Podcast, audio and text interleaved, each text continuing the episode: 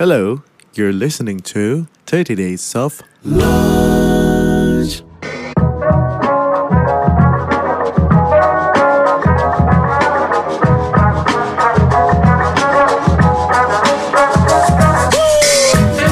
outdoor indoor doesn't have that big of an impact for me anymore setelah aku belajar bahwa kualitas udara tuh sangat penting sekali untuk dikonsider sebelum kita berolahraga.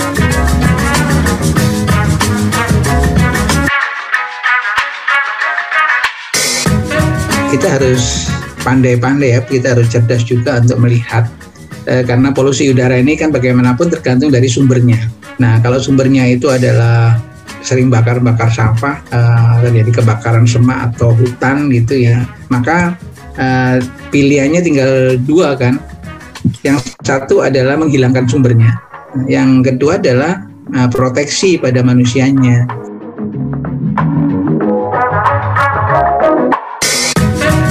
Ya bener banget itu. Jadi kita harus mendorong perubahan sistem karena individual action itu matters. Tapi kalau misalnya sistemnya masih seperti itu, di mana ada industri dan juga pembangkit listrik, itu kan nggak bisa kita stop ya sebagai individu. Betul. Nah, kita bersama dengan um, beberapa mitra, itu kita udah lama sekali, udah sekitar empat um, tahun ya, kita udah mencoba bicara dengan pihak-pihak pemerintah yang bertanggung jawab untuk udara bersih ini. Halo semua pendengar 30 Days of Lunch, gue balik lagi di sini kali ini gue sama co-host yang beda banget. Baru baru belum pernah ada di um, 30 Days of Lunch season ini, belum pernah sebagai co-host, tapi pernah sebagai tamu di 30 Days of Lunch. Tapi sebelum kita memperkenalkan dia, gue mau izinin satu supporter kita yang udah dari awal season 1 mau lewat cerita tentang produknya. Silakan. Lenovo kembali lagi dengan promo-promo menarik untuk periode Agustus sampai September 2021 dengan tema BTS. Ya, yeah, biar terus semangat, Lenovo mendukung untuk berbagai kegiatan kamu seperti work from home, learn from home, atau kebutuhan-kebutuhan kamu yang membutuhkan laptop canggih. Dengan membeli produk Lenovo dengan tipe tertentu dan menggunakan prosesor Intel 11th generation, kamu akan mendapatkan kesempatan hadiah langsung GoPay hingga 1 juta rupiah. Selain itu, kamu juga berkesempatan untuk memenangkan undian untuk mendapatkan laptop Lenovo, monitor Lenovo, aksesoris Lenovo, dan juga voucher untuk e-learning. Untuk pembelian dapat dilakukan secara offline dan online di official store-nya Lenovo. Cek di lenovopromo.com atau Instagram at Lenovo ID untuk lebih info detailnya.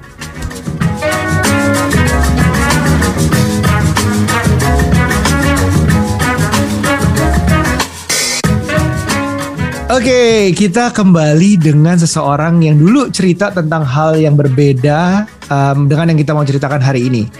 Kita ngobrol waktu itu tentang marketing. Wih, dengan salah satu marketing wizard kita yang um, yang udah gue banyak kagum waktu itu karena ketemu salah satu idola gue dan menjalankan salah satu startup terbesar yang ada di Indonesia. Cie, mari kita panggil sekarang Bapak Piot. Apa kabar Bapak? Apa kabar? Baik, baik, baik, baik. Iya, kita kita nggak mau ngerjain lagi, kita mau ngomong full bahasa Indonesia ya sekarangnya. Kayaknya um, perlu teman-teman tahu ini Pio tuh born and raised loh di di Indonesia. di rumah sakit Pondok Indah. Bornnya bukan bukan bukan race-nya, race-nya di Jakarta Selatan. Tapi oh, bukan... sempat born sebentar di sini gitu terus pindah ya? Iya betul. Iya, tapi tinggal di Indonesia tuh udah total lama banget dong. Sudah 25 tahun lebih sih. 25 tahun lebih, makanya kita bisa ngobrol hari ini semuanya full bahasa Indonesia. Nah, kemarin waktu di 3 Days of Lunch, Piot ngobrol tentang uh, dia lagi mendirikan suatu startup yang waktu itu kita nggak bahas banyak karena uh, belum lahir kalau nggak salah ya, belum resmi lahir ya belum diperkenalkan waktu itu belum uh, waktu itu belum launching dan uh, ya masih masih di stealth mode bisa bilang gitu sih. Stealth mode. Jadi sebenarnya perusahaannya udah ada, udah mulai produknya ada bikin tapi belum diperkenalkan ke publik. Nah, sekarang mungkin teman-teman udah tahu yang follow uh, Piot di Twitter apalagi Twitter lebih sering ngomong daripada Instagram tampaknya. Um, Twitternya dia banyak ngobrol tentang clean air. Makanya dia ada aplikasi atau startup yang bernama Nafas. Can you tell me more about it and why? Why Nafas? What's what's happening here? Se sebenarnya uh, backgroundnya backgroundnya nafas mulai dari um, beberapa um, personal story sih, hmm. um, di mana uh, sudah beberapa kali um, tersentuh dengan polusi udara di rumah. Jadi ya. uh, jadi untuk saya saya sendiri sebelumnya um, saya sama sama istri pilih rumah yang ada taman di belakang karena okay. ya um, ada um, Ijo-ijo lah ya pohon. Betul, segar, betul. Gitu ya. Segar udara. Well, we thought it was like that, right? Udara segar, etc. Nah, uh, dan sekitar tiga tahun yang lalu, um, aku penasaran sih um, mm-hmm. pasang sensor kualitas udara di di tamannya. Nah, ternyata di uh, di rumah saya di Jakarta Selatan, uh, kualitas udaranya buruk uh, unhealthy tapi yang yang paling uh, bikin saya kaget itu polusi udara di Jakarta Selatan di di rumah saya itu sekitar 20-30 persen lebih parah dari Jalan Sudirman. Jadi itu ke saya nggak masuk nggak masuk akal ya kenapa kenapa itu terjadi. Itu uh, itu menarik sih um, 20-30% lebih buruk dari Sudirman. Waktu itu di mana Sudirman yang kita pikir tuh mobilnya kan pasti banyak banget yang lewat oh. uh, asapnya keluar semua segala macam. Tapi lo yang di daerah perumahan dengan taman pula ada pohonnya malah lebih buruk ya? Betul betul. Nah nah itu itu ngedrive uh, lo um, untuk lebih belajar lagi lebih dalam tentang tentang clean air ini. Karena gue juga banyak pertanyaan yang kita kita dibilangin sama orang tua zaman dulu oh kalau pagi-pagi bangun kita buka jendela uh, udara pagi tuh bersih segar segala macam. Ada masanya mungkin itu benar tapi sekarang tampaknya yang gue pelajari sekarang karena karena temenan sama lo juga ya jadinya um, merhatiin hal-hal yang ternyata itu nggak benar belum tentu, bukan nggak benar, tapi belum tentu karena bisa aja ternyata sore malah lebih bersih daripada daripada pagi. Nah ini kayak Sudirman ternyata bisa aja lebih bersih daripada daerah perumahan di Jakarta Selatan. Kenapanya? Wah panjang banget. Nah hari ini Piot ini sih di sini sama gue bukan sebagai narsum. kita bukan kita bukan menghadirkan Piot bukan sebagai uh, kenapa dia menciptakan nafas saja, uh, bukan cuma itu doang yang kita mau omongin, tapi semua tentang clean air. Nah, gue di sini akan ngobrol sama tiga narasumber lain. Tenang, tiganya itu nggak sekaligus, jadi kalian tenang aja, nggak akan tabrakan kita ngobrolnya. We separate this recordings, jadi kita pisah-pisahin semuanya uh, dari angle yang berbeda. Bahwa dari setiap setiap angle yang kita bicarakan, clean air itu udah menjadi concern yang lumayan penting dari bukan cuma masa depan tapi sekarang juga gitu. Mudah dari sekarang tuh udah kerasa daruratnya. But you are also a father now. Lo menjadi bapak juga sekarang kan? Uh, iya uh, baru baru uh, minggu lalu baru ulang tahun pertama sih. Jadi yeah, udah happy birthday. udah, udah setahun jadi jadi father dan udah setahun dad jokesnya jauh lebih parah dari yang dari dari awalnya. Emang dead jokes itu benar-benar natural ya. Datangnya tuh dengan sendirinya. Tiba-tiba kenapa sih gue juga abis ngeluarin dead jokes? Kok gue gitu ya? Ya udah deh nggak apa-apa iya iya. Itu kayak I used to be funny and then my daughter was born and then all my jokes was dead jokes. Iya iya. Benar-benar nah itu mengubah perspektif nggak dengan kelahiran anak? Um, untuk clean air Iya, iya itu mengubah mengubah banget karena uh, dari dari riset yang yang yang dijalankan sebelumnya ada ada dua masalah. Yang pertama nggak ada akses kepada data uh, untuk bisa benar-benar secara hyperlokal di di rumah rumah lo, di rumah saya, di uh, mungkin daerah lain. Um, kualitas udara bisa berbeda, bisa bisa bagus, bisa juga tidak sehat Nah, ya. yang kedua itu adalah um, seberapa parah dampaknya polusi udara kepada kesehatan kita. Uh, dan dalam riset itu, we found out that um, ada dua grup yang yang atau bukan dua, tiga grup yang paling uh, um, yang paling bisa terdampak ini. Yang pertama itu um, orang yang agak lebih tua di atas 60-70 tahun Okay. Um, yang kedua adalah um, orang yang sering di luar dan sering berolahraga. Uh, dan yang ketiga itu adalah anak di bawah lima tahun.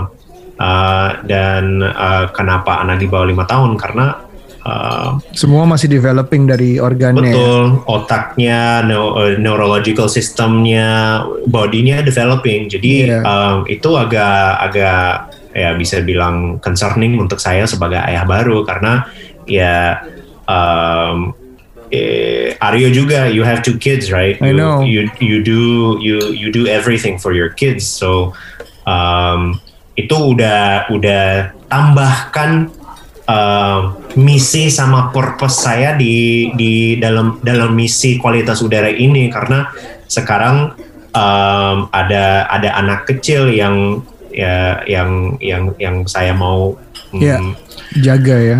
betul.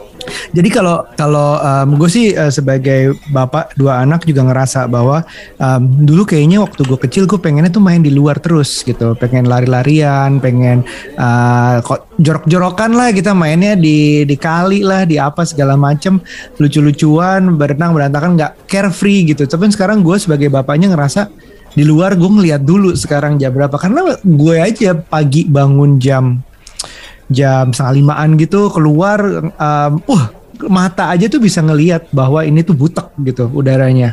Terus gue baru lihat aplikasi, udah bener itu cuma mengkonfirmasi bahkan segitu jelasnya sekarang.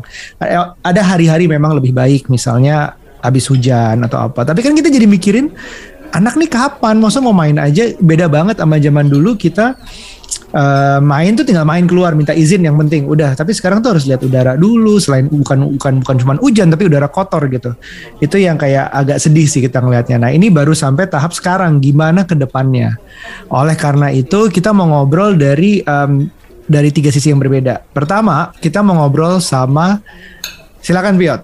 This is your friend too ya Yes, yes. Kita kita uh, pertama ngomong sama Adinda Sukardi. Uh, mm-hmm. Dia adalah uh, atlet uh, ambasador uh, Under Armour. Uh, dan um, kenapa kenapa dia bergabung sama Nafas jadi ambasador itu karena uh, beberapa tahun yang lalu yep. Ya. uh, dia punya uh, pengalaman sendiri di mana polusi udara pas uh, dia latihan di luar uh, ada dampaknya kepada kesehatannya. Uh, yang dampak yang yang uh, nanti nanti dia bisa jelasin historinya kayak apa. Tapi um, itu bikin saya sedikit uh, ragu juga karena um, kebanyakan um, masalah dengan polusi udara itu dibilang oh baru 20 30 tahun ke depan bisa ada ada uh, dampaknya tapi dari cerita dia itu adalah bukti bahwa ya uh, itu bisa ada short term impactnya juga. Um, so uh, I think it's a, a very very exciting story. Oke, okay, dia jadi ada kejadian di, di di nanti biar dia cerita sendiri ya mungkin lengkapnya ya. Tapi mempengaruhi pandangan dia like completely about this about this clean air thing. Jadi gitu. Terus plus kita mau ngobrolin juga yang dia kerjakan sekarang yaitu um, selain sebagai um, olahragawan ya olahragawan apa ya namanya itulah ya ambassadornya UA tapi dia juga concern makanya melakukan uh, breathwork exercise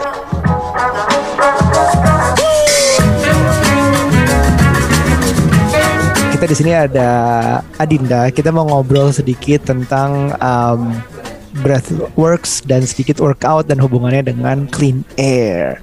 Nah, uh, Din, gue tuh um, sekarang lagi selama pandemi berat badan agak naik karena nggak bisa buka pintu rumah nggak boleh keluar jadi bukannya pintu kulkas jadi kita makan mulu nah workoutnya masih ada tapi ternyata baru sadar bahwa you can't beat apa ya lo nggak bisa ngalahin workout um, workout lo banyak tapi diet lo berantakan gitu. Makannya berantakan tetap aja. Habis workout makannya kue makannya manis-manis gorengan gitu.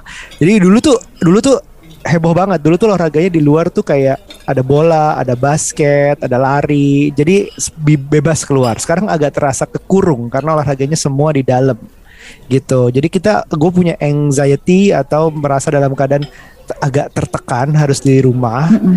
uh, dan pengetahuan gue adalah olahraga itu ada yang bagus di luar karena udara luar itu bagus katanya. Mm. gitu. Dan ada temen gitu juga jauh lebih enak gitu. Dirimu bagaimana sih mengatasi keadaan yang berubah ini yang nggak boleh segitu seringnya keluar sekarang? Uh, hubungannya dengan workout ya? Iya iya iya emang sulit sekali sih dalam masa pandemi ini. Um, tapi ya dunia ini selalu berputar kan dan things will happen seperti pandemi ini. Yeah. And um, aku juga bukan uh, you know bukan orang yang sangat hebat yang benar-benar selalu selalu datang uh, dan dan menyelesaikan apa uh, training aku gitu. Kadang-kadang juga sebagai manusia ada hari yang lebih susah, ada hari-hari yang lebih berat.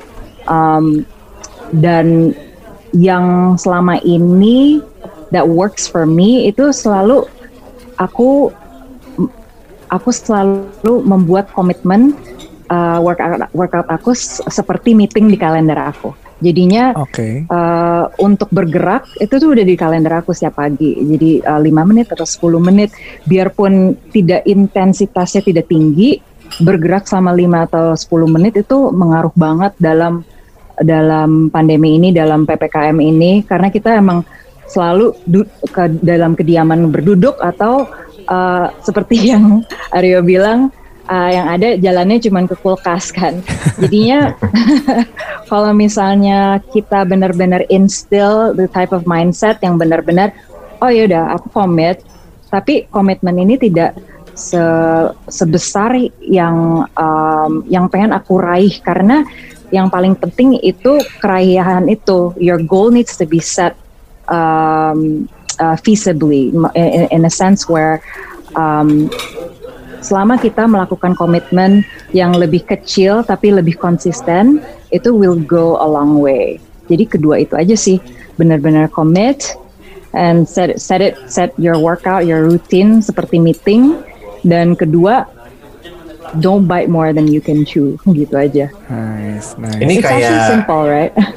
ini ini kayak uh, filosofinya James Clear di buku Atomic Habits ya ada marginal gains dan Oh. dan mulai mulai dengan yang kecil yang satu persen yang satu persen tapi kalau setiap hari satu persen itu Betul. uh, it can build up right. That's true. That's true. Nah, karena karena tema tema pengobrolan kita hari ini terkait dengan kualitas udara dan udara bersih, uh, untuk untuk uh, Adinda, apakah ada pengalaman sebelumnya uh, di mana uh, kualitas udara mempengaruh kepada kesehatannya atau atau kepada Mhm. uh, lifestyle-nya dan um, gimana pengalaman ini menginspirasi Adinda untuk lebih waspada kepada kualitas udara. Uh, ya pastinya waktu itu um, pada saat aku lagi di Shanghai, kalau nggak salah itu sekitar Desember 2016. I was at the peak of my performance. Um, pagi-pagi aku lagi lari di Shanghai untuk sightseeing dan training juga. Mungkin sekitar 4 km masuk dalam uh, lari aku, aku tuh mulai susah bernafas. Jadi setiap tarik nafas tuh ada kayak ada seperti suara wheezing. Jadi kayak ada "Hmm," gitu. Oh iya. And iya dan itu sangat mengkhawatirkan sekali. Uh, I was unable to breathe fully dan uh, discomfortnya tuh mungkin it takes it took years to recover dan sa sampai sekarang juga kadang-kadang mm, masih terasa aja nggak tahu karena trauma atau um, the placebo effect of like enduring the tra the trauma but um, that's itu adalah saatnya aku mulai benar-benar uh, penasaran kok kok bisa ya aku di aku kondisi fisiknya tuh lagi top banget uh, tapi kenapa mengalami kesusahan untuk lari dan bernafas pada saat itu. That's when I started to invest myself in learning about what had happened. Um, terus setelah ngobrol juga dengan Piot, uh, Piot memberikan aku data AQI. Ingat nggak waktu itu Piot yang waktu itu di Shanghai pada saat Desember 2016, it was the worst patch of uh, pollution of that month.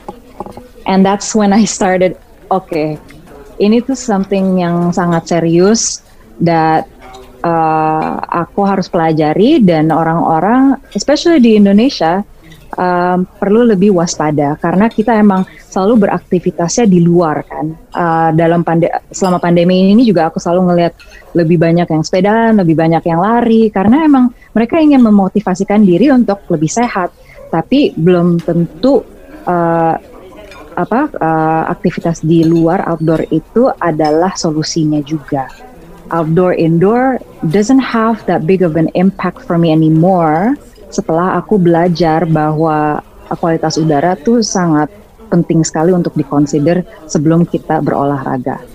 Um, jadinya itulah melihat kadar udara dari aplikasi seperti nafas, um, and you know being be, being able to be flexible dalam dalam rutinitas kita. Jadi um, as a, jadi kayak pengalaman yang dulu itu benar-benar kayak seperti mengubah banyak dalam hidupnya Adinda ya. Uh, yeah. Jadi olahraganya lebih aware, ngelihat suatu aplikasi sebelum olahraga sampai sekarang mempelajari breathworks. Let's talk about that. Um, sure. Apa itu breathworks? Mungkin bisa dijelaskan hmm. ke teman-teman di sini. Um, apakah itu what I think could be the same as uh, meditation atau hmm. apa sebenarnya breathworks itu? Um, there is a lot of different kinds of breathwork. Jadi banyak sekali breathwork itu difokuskannya untuk meditasi.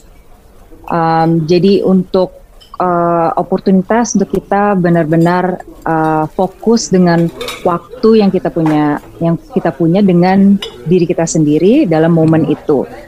And it's as simple as, oke, okay, hirup udaranya tiga detik, keluarkan tiga detik lagi. And these these work for some people. And also med- I have a lot of respect for different kinds of meditation. But the meditation that I I, I do eh, eh, adalah me- menggunakan power of breath untuk membuka uh, tensi dan uh, trauma yang kita telah kuburkan di dalam badan-badan kita di dalam otot-otot kita agar kita bisa memberikan tubuh kita uh, the spaces in which darah kita bisa mengalir dengan sehat, oksigen bisa melarik, mengalir ke otak lebih baik. Um, jadi breathwork yang aku lakukan uh, adalah seperti meditasi, tetapi juga uh, uh, mengimplementasikan stretching movements yang bisa uh, melepaskan diri kita dari apa sakit-sakit dan memar-memar badan uh, yang kita alami dari mental and physical trauma, uh, emotional uh, baggage yang kita tidak bisa keluarkan dengan secara kata-kata. Um, so it's it's a healing, it's a healing breathwork, tapi also energizes. Oh wow, and then you have a class on that. Maksudnya memang mengajar dalam breathworks ya. Uh, teman-teman mungkin bisa follow Adinda untuk tahu um, kelas-kelasnya kapan aja dan yang segitu pentingnya clean air sekarang ini mengubah hidup bisa mengubah hidup seseorang dari yang um, susah nafasnya sampai sekarang well workoutnya jadi lancar lagi sampai mengajar breathworks hmm. dan really really uh, aware of the situation of the bad situation sekarang yang tentang clean airnya ini gitu. Uh, mungkin satu pertanyaan lagi dari gue, uh, Pio silakan menutup. Tapi um, I notice you're the ambassador of UA Under mm-hmm. Armour, Under Armour. Jadi um, apa sih kalau boleh tahu um, feel free to answer if you, uh, kalau nggak ada nggak apa-apa. Tapi brand sebesar itu, brand mendunia, pandangannya terhadap udara bersih ini untuk udara bersih begini Under Armour is a big brand and kita ada motto the only way is through. Jadi as an innovative brand and company, global brand and company, kita sudah develop uh, sports mask yang sudah keluar tahun lalu uh, during the pandemic. Dan kita juga baru launching a feather light sports mask yang bisa yang yang even more breathable untuk atlet-atlet dan para uh, para para olahragawan yang yang yang aktif yang suka olahraga di luar tetapi ingin melindungi uh, dirinya dari air pollution dan also the virus. Uh, jadi sebagai brand seperti Under Armour itu adalah inisiasi yang mereka sudah mulai um, distribute di di market retailnya mereka, the the UA Sports Mask. And it is a core belief though in Under Armour bahwa komunitas kita tuh benar-benar saling uh, saling take care of each other. Uh, so when we say the only way is through, um, we're gonna do the best we can, and I believe it myself that that company sebesar itu juga have my back in in wanting the best for me as an athlete. And one of them was to to produce and, and design such an innovative mask, such as the sports mask, Yep. the UA Gua- sports mask. Gue punya dua di rumah warnanya merah dan hitam. It's one of the Nice. best sports mask. Oke, Great. dari dari uh, gue udah mungkin um, nanti gue kabarin kalau hasilnya udah selesai. Thank you so much Okay. for your time. You're welcome. Uh, um, I'll- uh, uh, gue baru DM lo tadi, jadi kalau misalnya Oh, kita, oke, oke. Ntar aku gue cek. kabarin lewat situ. Aku, Okay, okay. um, uh, Adinda, I'll, is, is it Yes. okay if I share your number with Aryo? Oh, no problem. Please Okay, do so. okay, siap, siap. Yeah. Aryo, nice Alright. to meet you. Oke, itu tadi cerita sedikit dari uh, Adinda. Adinda mengalami kejadian yang menurut gue um, segitunya ya, ternyata bisa udara kotor itu segitu mempengaruhi segitu cepatnya dan segitu buruknya ke suatu individu.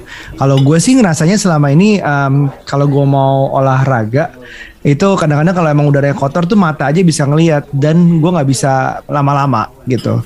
Jadi kayaknya oke nggak apa-apa deh ya udah olahraga ada yang harus gue lakuin di luar 10 menit habis itu udah masuk lagi ke ruangan ber air purifier. Nah, Piot sendiri, lo pernah ada pengalaman kayak Dinda atau something different atau yang lebih lucu, lebih seru, lebih lucu? lebih lebih Lucu lebih sih. seru.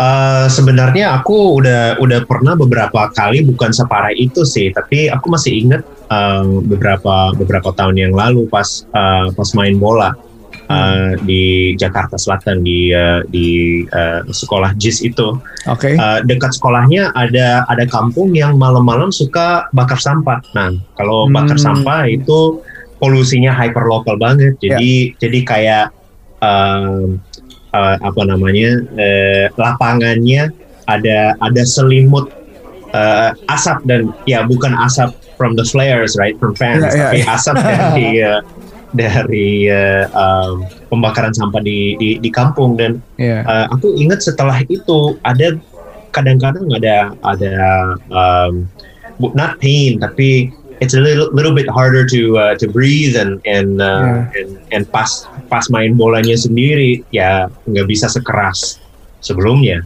Iya, iya. Um, Jadi kita lebih sulit ya bernafas ya. betul Karena em, orang Jakarta ini mungkin banyak yang belum tahu bahwa pembakaran sampah itu udah dilarang.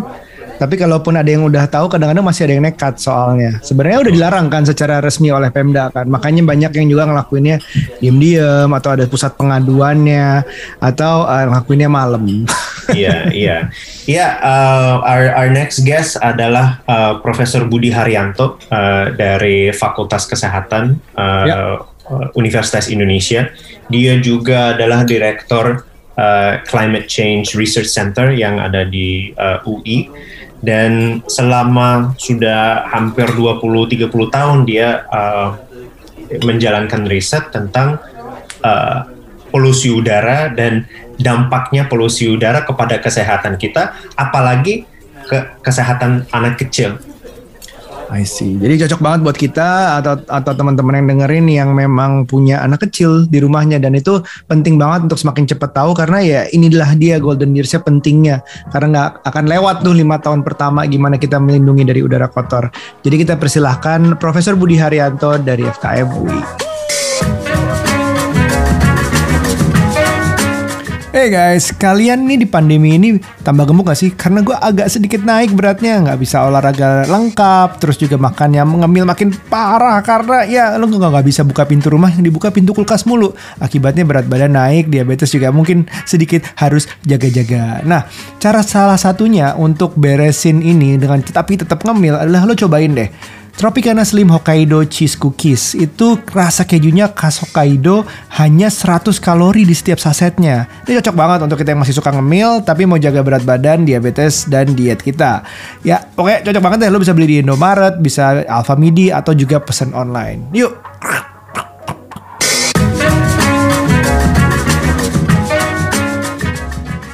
Halo Profesor Budi, apa kabar Prof? Uh, baik baik. Iya, jadi kita di sini teman-teman ada Profesor Budi um, so, dari FKM UI, seorang ahli di bidangnya yang kita mau bicarakan hari ini di podcast ini bakal seru banget karena kita butuh seorang expert untuk menjelaskan mungkin ini uh, berbahayanya seberbahaya apa sih gitu. Jadi kita langsung aja ya ke uh, kita mau nanya sama uh, Pak Budi gitu. Sebenarnya um, resiko kesehatan terhadap polusi udara itu apa ya Pak ya? Oh, kalau polusi udara kan selalu terkait dengan nafas ya.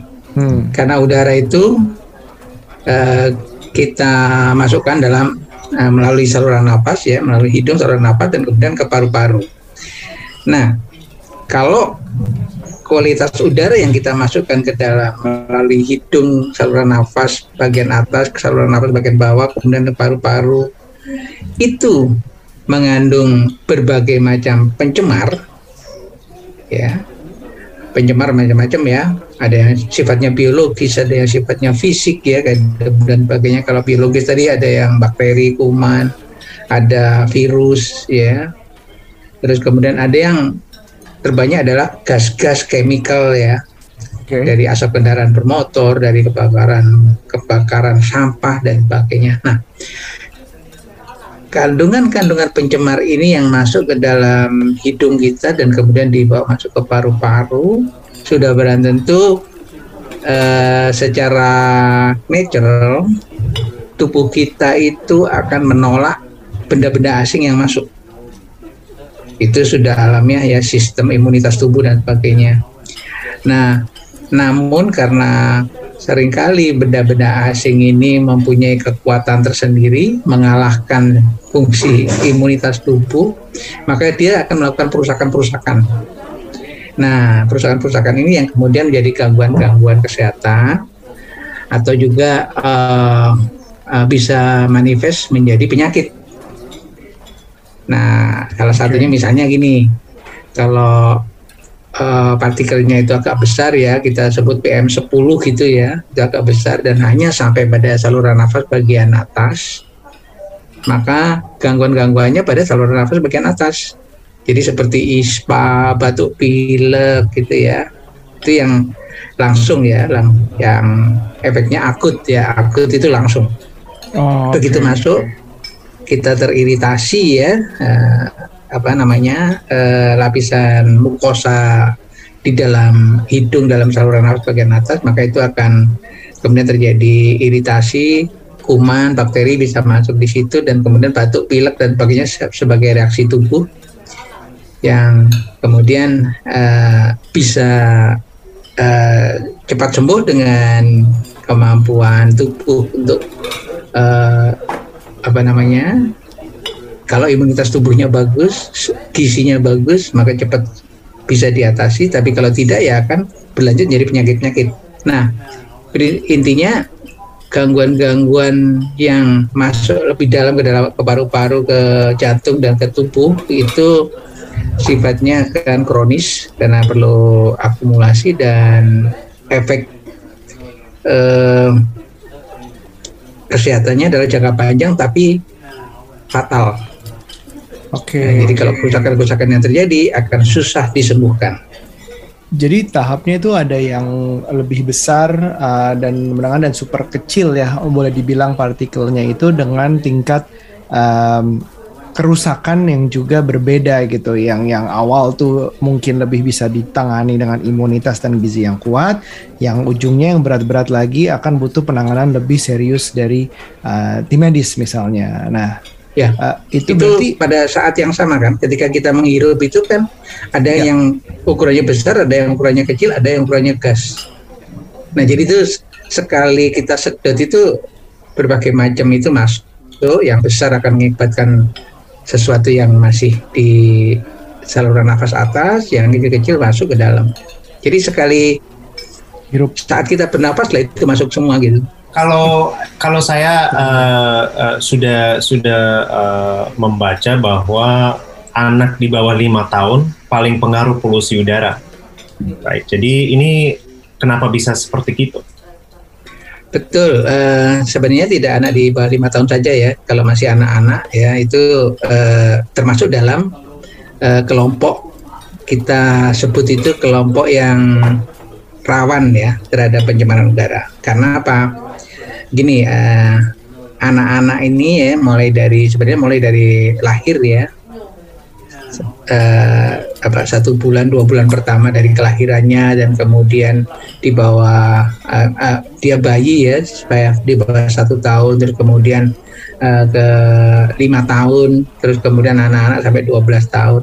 Nah mereka-mereka uh, ini yang ketika masih sangat muda ya baru lahir dan sebagainya itu kan semua uh, proses dalam tubuhnya semua organ dalam tubuhnya itu dalam masa pertumbuhan Ya, jadi belum fix betul ya. Tadi bertumbuh dengan uh, menjadi semakin mekar, semakin padat gitu ya paru-parunya juga termasuk di sana. Nah sehingga dalam proses pertumbuhan ini sementara dia sudah bisa bernafas nih. Dia bisa bernafas, apakah rumahnya itu ada pencemarnya atau tidak, dia tidak tahu. Semuanya given kan. Dia ada di mana ya bernafas saja. Nah, ketika kemudian ada uh, pencemar udara yang terhirup oleh dia maka menjadi lebih rawan karena fungsi tubuhnya belum jadi sepenuhnya dan kemudian uh, kemasukan oleh harus melawan uh, materi atau benda asing yang masuk dalam tubuhnya. Yang sekarang yang belum banyak disadari orang adalah uh, gangguan fungsi paru.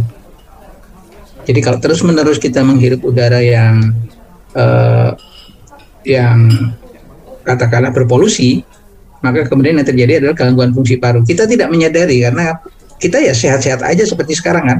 Kita yeah. bisa mengklaim bahwa saya sehat, nggak masalah dengan paru-paru saya. Tapi ketika diukur dengan spirometer, maka uh, pasti kalau kita tinggal di wilayah yang tinggi polusi seperti sekarang ini ya, fungsi paru kita tidak lagi 100%. Aduh, udah, jadi, udah rusak. Jadi nah, ah, ini okay, jangka panjang. Ya, ini penyakit kronis. Nah, yang lebih parah dari itu ya tidak saja kita kan fungsi parunya terganggu, tapi juga kita bisa apa menderita penyakit-penyakit paru. Terus penyakit kalau paru-parunya uh, bermasalah, maka ini akan berakibat pada jantung. Ya, karena pencemar tadi juga sampai ke jantung, sehingga makanya sangat erat kaitannya antara mereka-mereka yang punya gangguan paru, maka juga mudah sekali terkena gangguan atau penyakit-penyakit jantung itu gandengan. Iya, jadi nah, ini mm, uh, nyambung semua ya. Jadi ya kalau dibilang uh, tadi kita udah bahas uh, Nah, itu dengan, kaitannya uh, dengan Covid belum nih? Oke, oh, oke. Okay, okay. nah, penyakit-penyakit ini yang sampai kepada tadi ya, gangguan saraf pusat, kemudian misalnya gangguan ginjal, kemudian sampai kemudian diabetes ya, gangguan-gangguan yang ada di jantung. Jadi bisa tekanan darah tinggi ya. Nah, ini penyakit-penyakit kronis yang disebabkan oleh polusi udara itu kita biasa sebutnya kalau dikaitkan dengan COVID adalah sebagai Komorbid. komorbiditas. Ya, ini komorbiditas. Jadi kita sudah punya penyakit atau riwayat penyakit eh, yang ada di dalam tubuh gitu. Nah, ketika yang bersangkutan atau Eh, mereka-mereka uh, ini terinfeksi oleh COVID, maka kemudian yang kita banyak ketahui ya kefatalan terjadi, meninggal terjadi karena uh, punya komorbiditas, punya penyakit atau punya riwayat penyakit bawaan. Nah, hasil-hasil riset yang terbaru ya tahun 2020, 2021 itu menunjukkan bahwa uh, di Amerika aja ya yang pakai data dari hampir seluruh county yang di Amerika yaitu ketemu bahwa di tempat-tempat dengan polusi udara tinggi maka kematian akibat COVID-19 itu empat setengah kali lipat dibandingkan yang polusi udara rendah wilayah dengan polusi udara rendah ini luar biasa ya banyak sekali hampir 80 ribu kota empat ya kali lipat ya empat setengah kali lipat. Empat setengah kali. Lipat. Dan ternyata di benua lain di Italia ya di Italia itu ditemukan juga bahwa uh, di wilayah Italia Utara yang uh, uh, kualitas udaranya rendah ya, polusi udaranya tinggi, itu kematian karena COVID itu sekitar 12 persen. Sementara di Italia bagian lain yang kualitas udaranya rendah itu hanya sekitar empat setengah persen, hampir tiga kali lipat juga. Um, beberapa tahun ke, ke belakang tuh lebih rame ngomongin tentang global warming. Um, kutub yang mulai mencair, uh, negara yang mulai tenggelam, mulai naik airnya, uh, cuaca yang makin panas. Apakah ini ada hubungannya juga dengan polusi udara, Prof? Ya, itu juga sudah banyak disebutkan uh, ya, karena jelas uh, polusi udara itu penyumbang terbesar untuk emisi gas-gas rumah kaca ya Nah, ketika kemudian perubahan iklim terjadi, gerakan angin yang gerakan angin, gerakan udara yang ke sana sini juga itu juga menyebarkan polusi udara di satu tempat ke tempat yang lain gitu. Nah, jadi ini adalah dua hal yang selalu bersama-sama nih perubahan iklim ya, dan polusi berhubungan. udara gitu ya. Oke, okay, oke. Okay. Um, Piot, ada yang mau ditambahkan dari saya kayaknya uh, cukup. Silakan Piot sebelum uh, mungkin mungkin mungkin ya mungkin terakhir kalau kalau saran dari Profesor Budi untuk untuk uh, uh, untuk kita untuk untuk anak kita untuk beraktivitas berhari-hari harus uh, harus melakukan apa aja untuk menurunkan exposure kepada polusi udara ini. Oke, okay, uh, sebagai orang tua uh, kita harus pandai-pandai ya kita harus cerdas juga untuk melihat. E, karena polusi udara ini kan bagaimanapun tergantung dari sumbernya. Sumbernya apa sih? Di sekitar kita itu sumbernya apa? Nah kalau sumbernya itu adalah e, dari kendaraan bermotor sumbernya adalah dari asap di dapur sumbernya dari uh, dekat-dekat kita itu ada kebakaran sering bakar-bakar sampah atau bakar uh, terjadi kebakaran semak atau hutan gitu ya. Maka uh, pilihannya tinggal dua kan. Yang satu adalah menghilangkan sumbernya. Okay. jangan sampai ada itu apa pengemisi polusi. Yang kedua adalah uh, proteksi pada manusianya. Ya betul. Nah jadi kalau sumbernya nggak bisa dihilangkan ya manusianya yang diproteksi habis-habisan. Tapi masalahnya kalau sumbernya itu kan uh, continue ya real time ya. Kalau dia terus-terusan di situ ada banyak apa di pinggir jalan raya itu selalu ada kendaraan lewat mengeluarkan emisi terus ya. Nah bagaimana kita bisa menghilangkan sumber emisinya gitu? Nah kemudian bagaimana kita bisa memproteksi terus-terusan uh, anggota keluarga kita, anak-anak kita dari emisi tersebut. Nah, maka uh, kalau dilihat dari jelas uh, pekerjaan kita selama ini, pekerjaan pemerintah dan sebagainya sampai jenuh ya kalau saya bilang pemerintah sampai jenuh sampai uh, hampir dikatakan give up ya mau ngapain lagi soal sumbernya ini ya. ya sudah jelas kalau misalnya di Jakarta sumbernya adalah dari emisi kendaraan bermotor. Kendaraan bermotor nggak bisa dikurangi gitu. Nah sementara bikin uh, supaya kendaraan bermotor dikurangi bikin apa namanya itu uh, transportasi umum yang bagus ya itu bertahun-tahun kan nggak jadi-jadi gitu. Artinya prosesnya itu cukup lama dan baknya kemudian berubah menjadi kita selalu banyak di bawah tanah seperti di Tokyo seperti di negara-negara maju ya banyak di dalam tanah itu yang tidak terpolusi. Nah itu masih sangat berat. Tapi kita bisa melindungi anak-anak kita nih, kita keluarga kita ya misalnya kalau kita di dalam rumah ya bisa dijamin nggak udara di dalam rumah itu baik. Nah eh, apa namanya berbagai teknologi bisa di digunakan kan di sini ya. Jadi kita harus bisa banyak memilih. Yang penting tujuannya adalah uh, dalam 24 jam sehari itu berapa jam sih atau proporsi terbesar kita itu menghirup udara yang bersih atau yang kotor gitu. Hmm. Itu yang harus uh, kita pintar-pintar dan memang sebagai orang tua harus pintar nih mau nggak mau harus. Ya, tidak ada pilihan harus pintar harus cerdas. dicari sumbernya dan bertahan dari kitanya. Itu aja ya. baru tadi ngomongin uh, traffic ya belum lagi pabrik yang ada belum lagi bakar sampah. Exactly. belum banyak lagi hasil-hasil um, pen, eh sorry penyebab-penyebab lain dari udara yang kotor di luar sana. Oke okay, um, terima kasih telah memberikan waktunya dan ilmunya yang berharga sekali, Profesor Budi. Uh, senang banget kita dapat ilmu dari expertnya tentang gimana sebenarnya dampak-dampaknya dan apa yang bisa dilakukan dan seluruh hubungannya dengan um, COVID dan dengan juga um, anak yang di bawah umur lima tahun itu dampaknya juga seperti apa. Terima kasih sekali lagi, Profesor Budi. Um, sehat-sehat ya, Prof. Sampai ya, ketemu. Mudah-mudahan bermanfaat.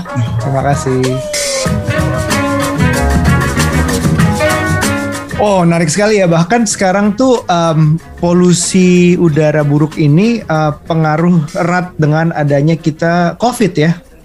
Betul. Nah itu yang itu yang um, senang banget tuh beberapa mungkin beberapa bulan lalu baru ada kayak uh, dokter Adam Prabata di di Instagram dan Twitter bilang bahwa ini ada hubungannya. Biasanya kan kita perlu tahu dari dokter-dokter yang kredibel ya bahwa ini benar-benar ada hubungannya karena pertama COVID itu airborne dikeluarkannya lewat udara. Kedua, apakah air purifier itu membantu? Artinya di sini tuh um, yaitu produk-produk yang berhubungan dengan kualitas yang membersihkan dalam tanda kutip udara kotor itu membantu nggak sih termasuk kayak kasarnya nyedot covid itu gitu jadi aman dari virus-virusnya. Nah, um, lo sendiri kan bagian dari um, tadi Prof Budi juga udah bilang bahwa um, segitunya pengaruhnya dan lo sendiri juga ada um, dari nafas juga ada risetnya sendiri. Um, iya ya, gitu ya. Benar apa yang dikatakan Prof Budi? Iya benar sekali dan dan um, ini uh, mungkin mungkin uh, informasinya sama datanya sedikit menakutkan tapi uh, before we address a problem we have to understand it right. Yeah. Nah, ini adalah sesuatu yang uh, mungkin kasih kita kesempatan untuk uh, memikir sekali lagi oke okay, dalam dalam uh, lifestyle yang kita ada um, eh, gimana uh, kita bisa menurunkan exposure kepada polusi udara hmm. di uh, sehari-harian kita. Um, dan uh, uh, dan ya karena karena uh, pas Profesor Budi bilang ini masalah dengan polusi udara itu uh, most of the time dampaknya baru uh, dapat 20-30 tahun ke ke depan. Um, nah dari nafasnya sendiri kemarin kita uh, mulai bekerja sama dengan University of Chicago yang uh, yang bikin Air Quality Life Index itu yang okay. um, dalam Air Quality Life Indexnya um, harapan uh, tingkat harapan hidup di uh, di Indonesia uh, turun uh, sebagai uh, sampai 5,5 tahun uh, dari dari dampaknya polusi udara. Uh, jadi it gives us something to think about gitu. Oke, okay, gimana dari lifestyle-nya uh, we can avoid it karena dari dari uh, uh, sensor-sensor yang yang sudah ada dari nafas, kita sudah bisa lihat bahwa um, luckily polusi udaranya bukan 24/7. Um, oh gitu. Kadang-kadang uh, bagus, kadang-kadang enggak. Um, bisa bisa seharian hijau bagus, bisa kadang-kadang seharian merah. Um, nah, karena tidak ada ini bukan kayak musim, tidak ada tidak ada tren kayak gitu. Uh, itu pentingnya memantau kualitas udara. Tapi, tapi bukannya kalau uh, adanya musim tadi yang lo bilang ini berdasarkan datanya nafas ya karena uh, kita tahu di Indonesia itu dua musim uh, kemarau dan hujan. Yang kalau hujan itu membantu membersihkan sedikitlah udara. Tapi iya. apa yang terjadi nanti kalau kemarau di mana hujannya jarang? Dan itu, dan kelakuannya orang-orang masih sama dalam menghadapi ini. Itu itu bisa bisa jauh lebih buruk kalau kita lihat datanya dari bulan Juli kemarin polusi udaranya kurang bagus.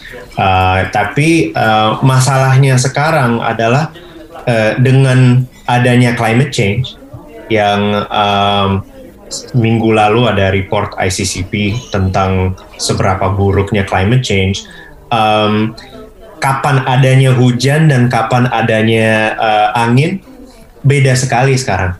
It changes quite quite a lot, right? Now, okay. now dari dari sarannya dari saya sendiri, pemantauan kualitas udara it just takes two seconds. Buka, lihat, tutup aplikasi dan right. Jadi Yeah. udah langsung bisa bisa tahu sekarang uh, kondisi di luarnya kayak kayak apa. Oke, oke, wow. Jadi kita udah ngobrol sama Dinda, Adinda tentang um, gimana efeknya terhadap personal, terhadap diri kita secara mikro gitu, individu. Eh, kita ngobrol, udah ngobrol sama Prof Budi tentang ya secara saintifik seperti apa dari expertnya dilihat dan hubungannya dengan COVID sudah dibahas. Uh, those are uh, dan menghasilkan cara-cara tips-tips yang bisa kita lakukan secara individu gitu. Tapi kan kalau kita individu masih kalau oh ya bagus kalau serentak 270 juta orang Indonesia ngelakuinnya secara individu sadar sama-sama. Tapi kan uh, ada beberapa yang harus dibantu oleh regulator dalam artian ini pemerintah dan pihak-pihak korporasi gitu. Itu juga bisa ada perannya besar di sini ada hal yang kita nggak bisa kendalikan. Kita mau pasang air purifier segimananya di dalam rumah pun, tapi di luar nggak akan bisa kita bersihin dengan pasang air purifier di luar kan. Itu nggak mungkin banget gitu. Jadi kita udah nggak bakar sampah, tapi tetangga masih ada. Kita nggak bakar sampah, tapi tiba-tiba ada pabrik lagi bikin baru bangun. Nah itu itu hal-hal yang perlu dibantu oleh um, regulator atau pemerintah. Oleh karena itu uh, tamu kita yang ketiga ini akan menjelaskan uh, gerakan-gerakan apa yang bisa dilakukan secara um, kita sebagai masyarakat yang bisa minta kepada pemerintah tolong lakukan hal-hal seperti ini. Nah, kita mau panggil Ditri, seorang aktivis udara bersih.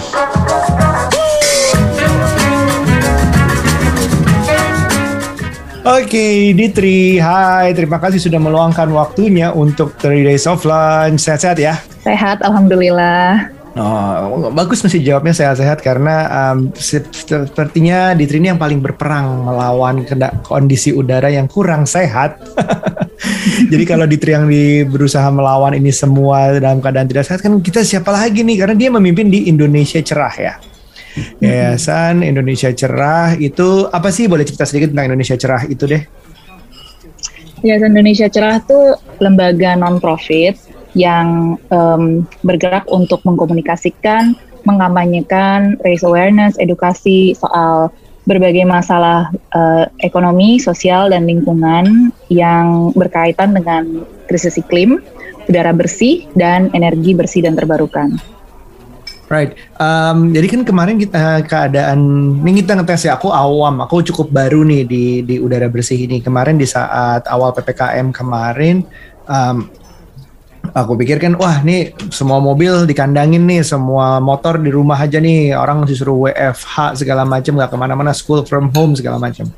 Otomatis kan kita pikir, oh sama ini mungkin mungkin yang menyebabkan polusi udara adalah mobil, motor, kendaraan umum, semuanya gitu. Tapi ternyata menurut angka di nafas masih sama aja saat itu masih merah ya merah aja karena memang tidak ada hujan segala macam. Tapi tetap merah. Jadi dari mana sih sumbernya kok masih kotor Jakarta ini di saat mobil nggak ada gitu?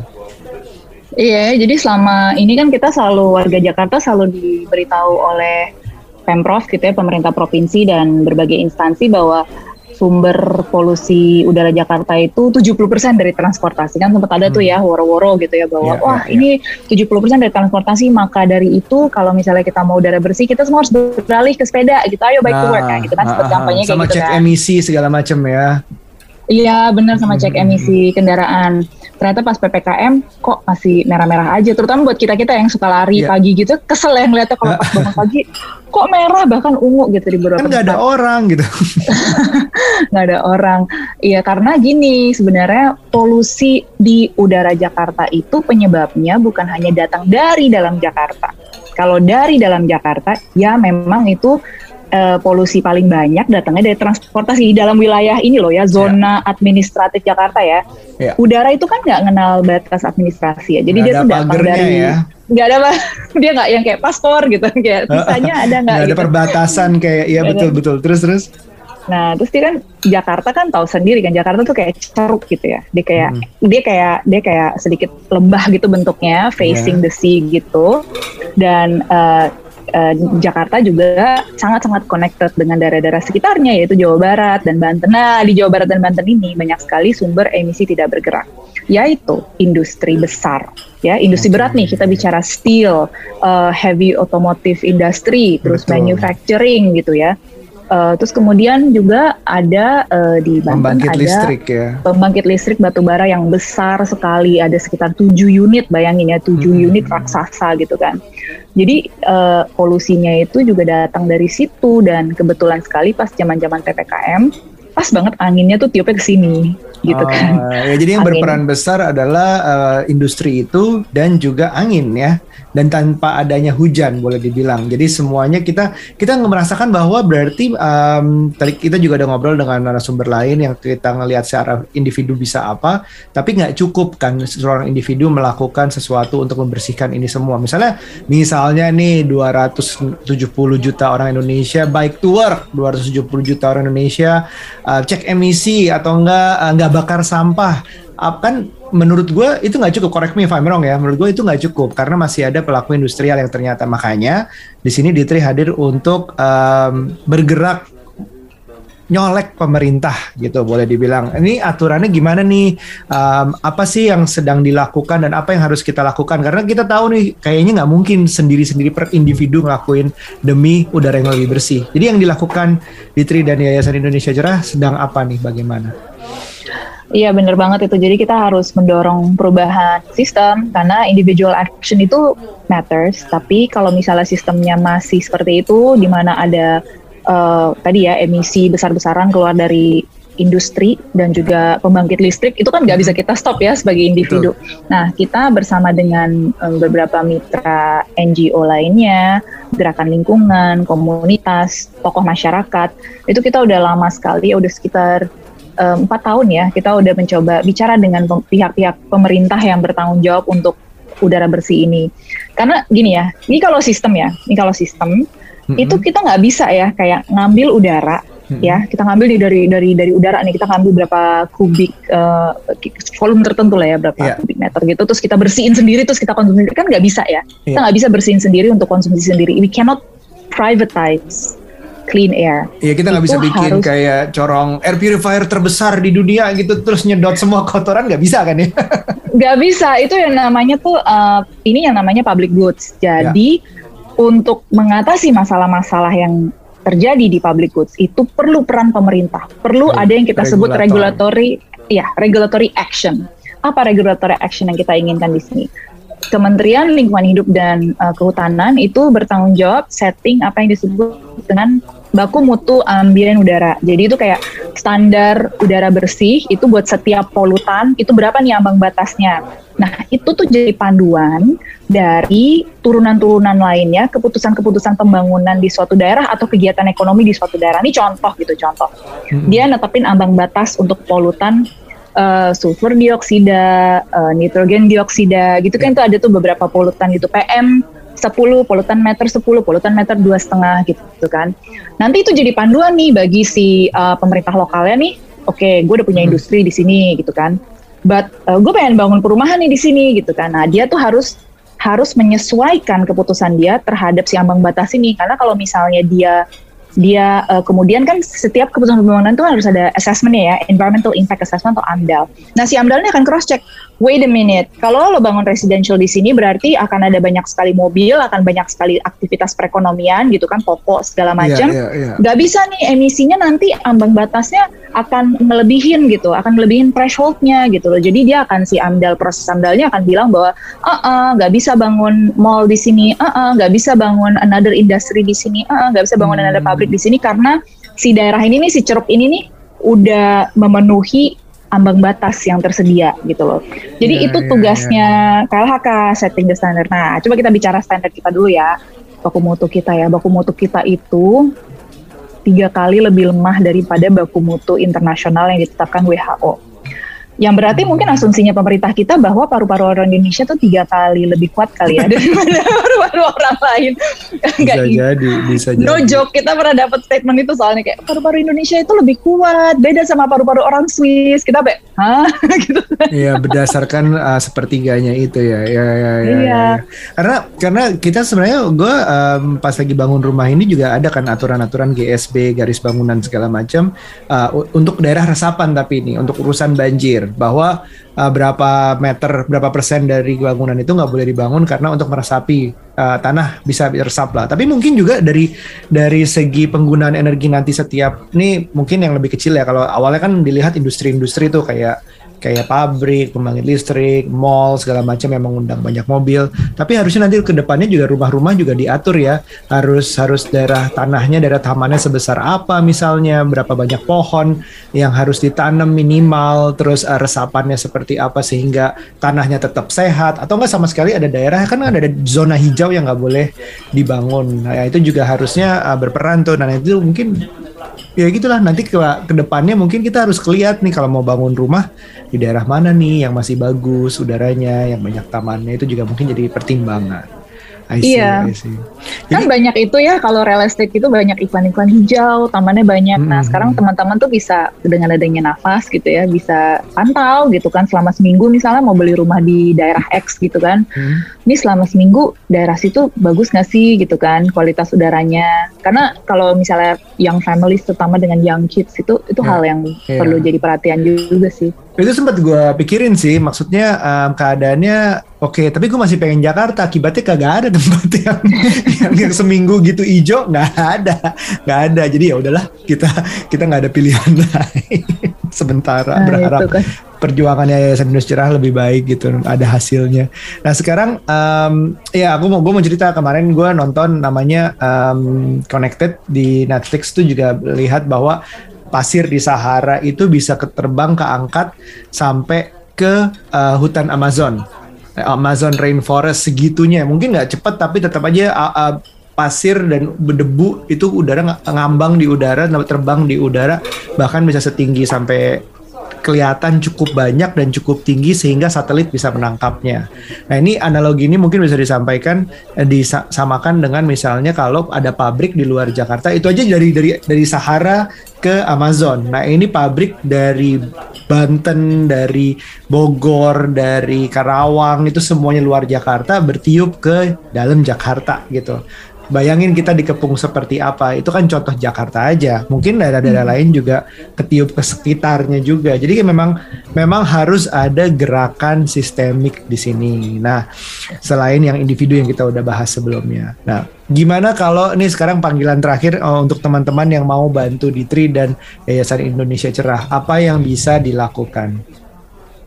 Um, kita kan lagi mengawal proses ini ya gugatan warga negara ya mungkin gue cerita sedikit soal gugatan warga hmm. negara nih karena setelah bertahun-tahun berusaha ngobrol gitu ya sama pemerintah terus dijanjikan berbagai revisi uh, bukan hanya terkait regulasi baku mutu ambien udara gitu ya. Tapi juga ada beberapa regulasi turunannya terkait dengan si sumber itu sendiri. Jadi kan kita misalnya minta tolong dong diketatin dong peraturan emisi untuk pembangkit batu bara, tolong dong diketatin dong peraturan emisi buat industri segala macam.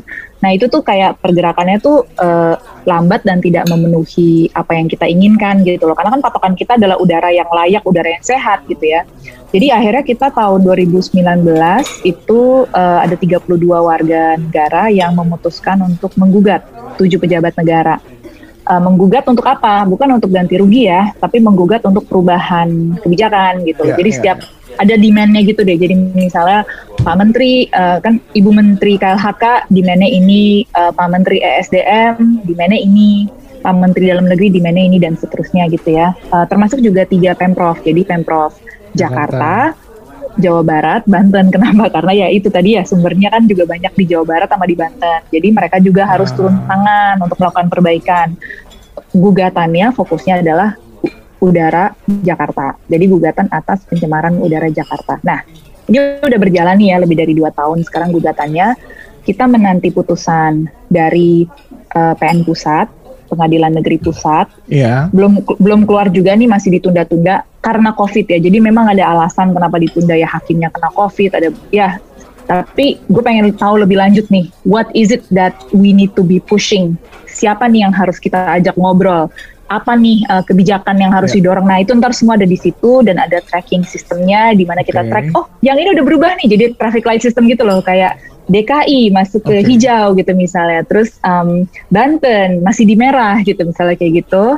Penjelasannya semua ada di situ. Dan juga akan ada a variety of cyber action yang akan kita coba gelar di situ. Misalnya kayak um, tulis uh, surat pada gubernurmu gitu misalnya gitu. Atau tweet at Ridwan Kamil. Atau misalnya uh, apa namanya ramaikan hashtag ini gitu. Hmm. nanti akan di situ semua. Karena Jadi, oh, mereka sorry, semua melihat kita. Oh sorry karena semua pejabat-pejabat ini ternyata lumayan sensitif sama actionnya kita di sosmed. That's good then that's good.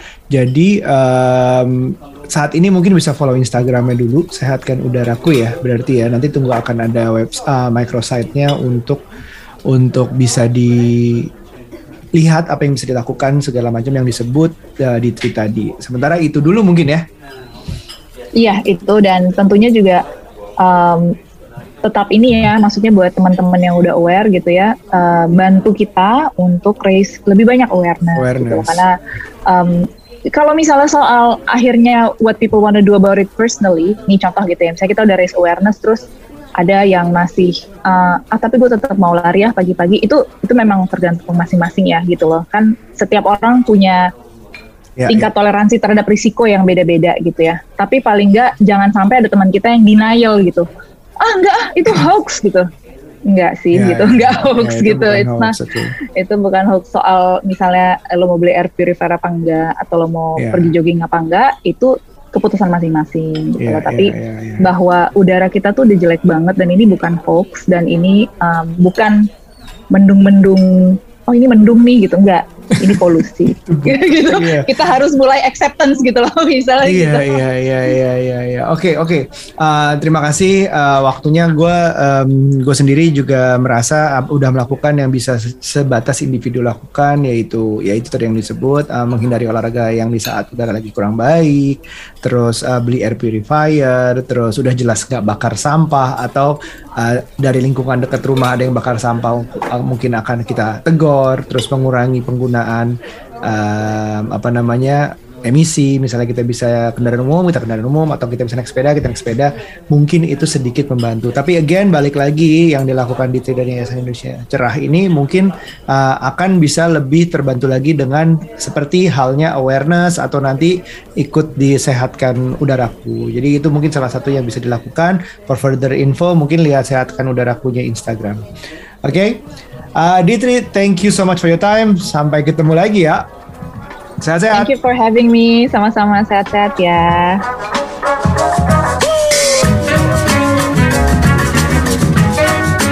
Nah, jadi lumayan menarik ya uh, seberapa complicated masalah ini, uh, hmm. uh, masalah polusi udara ini karena bukan cuman dari uh, what can we do secara pribadi, tapi ada juga uh, impactnya dari pemerintah, ada juga impactnya dari perusahaan.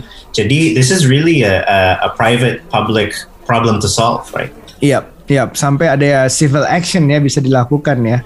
Betul. Bagi pemerintah itu harus melakukan ini karena kalau pemerintah kehilangan yang di daerah yang diperintah ini atau yang disebutnya di kekuasaan ini juga sakit semua dengan karena udara kotor juga percuma kan. Mereka harus mulai mikirin beneran gitu. Dan ternyata uh, Indonesia Cerah ini juga udah melakukan juga cukup lama. Uh, Ditri udah jelasin segimananya kalau kalian mau ikut. Nanti kita semua kasih uh, link kepada uh, bio-bionya mereka. Pri, apa ya let's say untuk connect dengan mereka di deskripsi di bawah mungkin bisa membantu apa. Siapa tahu kalian mau tahu dari sisi individunya atau mau ikut aktif membantu dari sisi um, civil actionnya misalnya. Right? Betul. Gitu. Nah Piot nih gimana jadinya anak kita? Apa kita pindah negara aja? Nggak nggak nggak semua orang ada kesempatan untuk untuk pindah pindah uh, negara. Tapi um, ini bukan segampang pindah ibu kota ke Kalimantan loh. Betul, iya.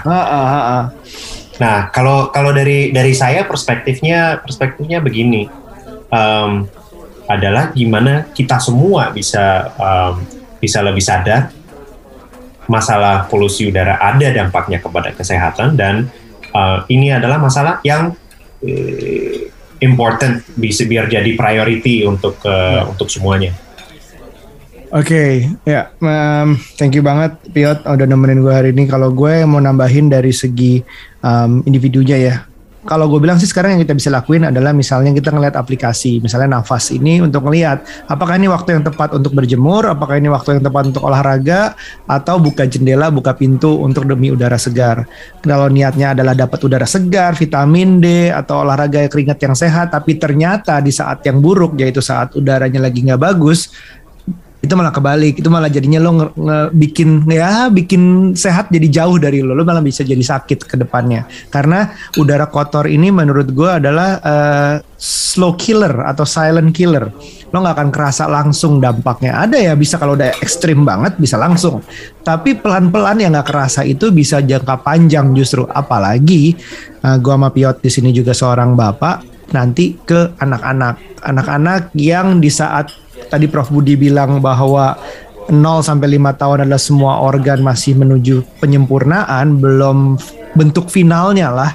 Itu udah diganggu oleh udara kotor, dia nggak akan sampai ke bentuk finalnya.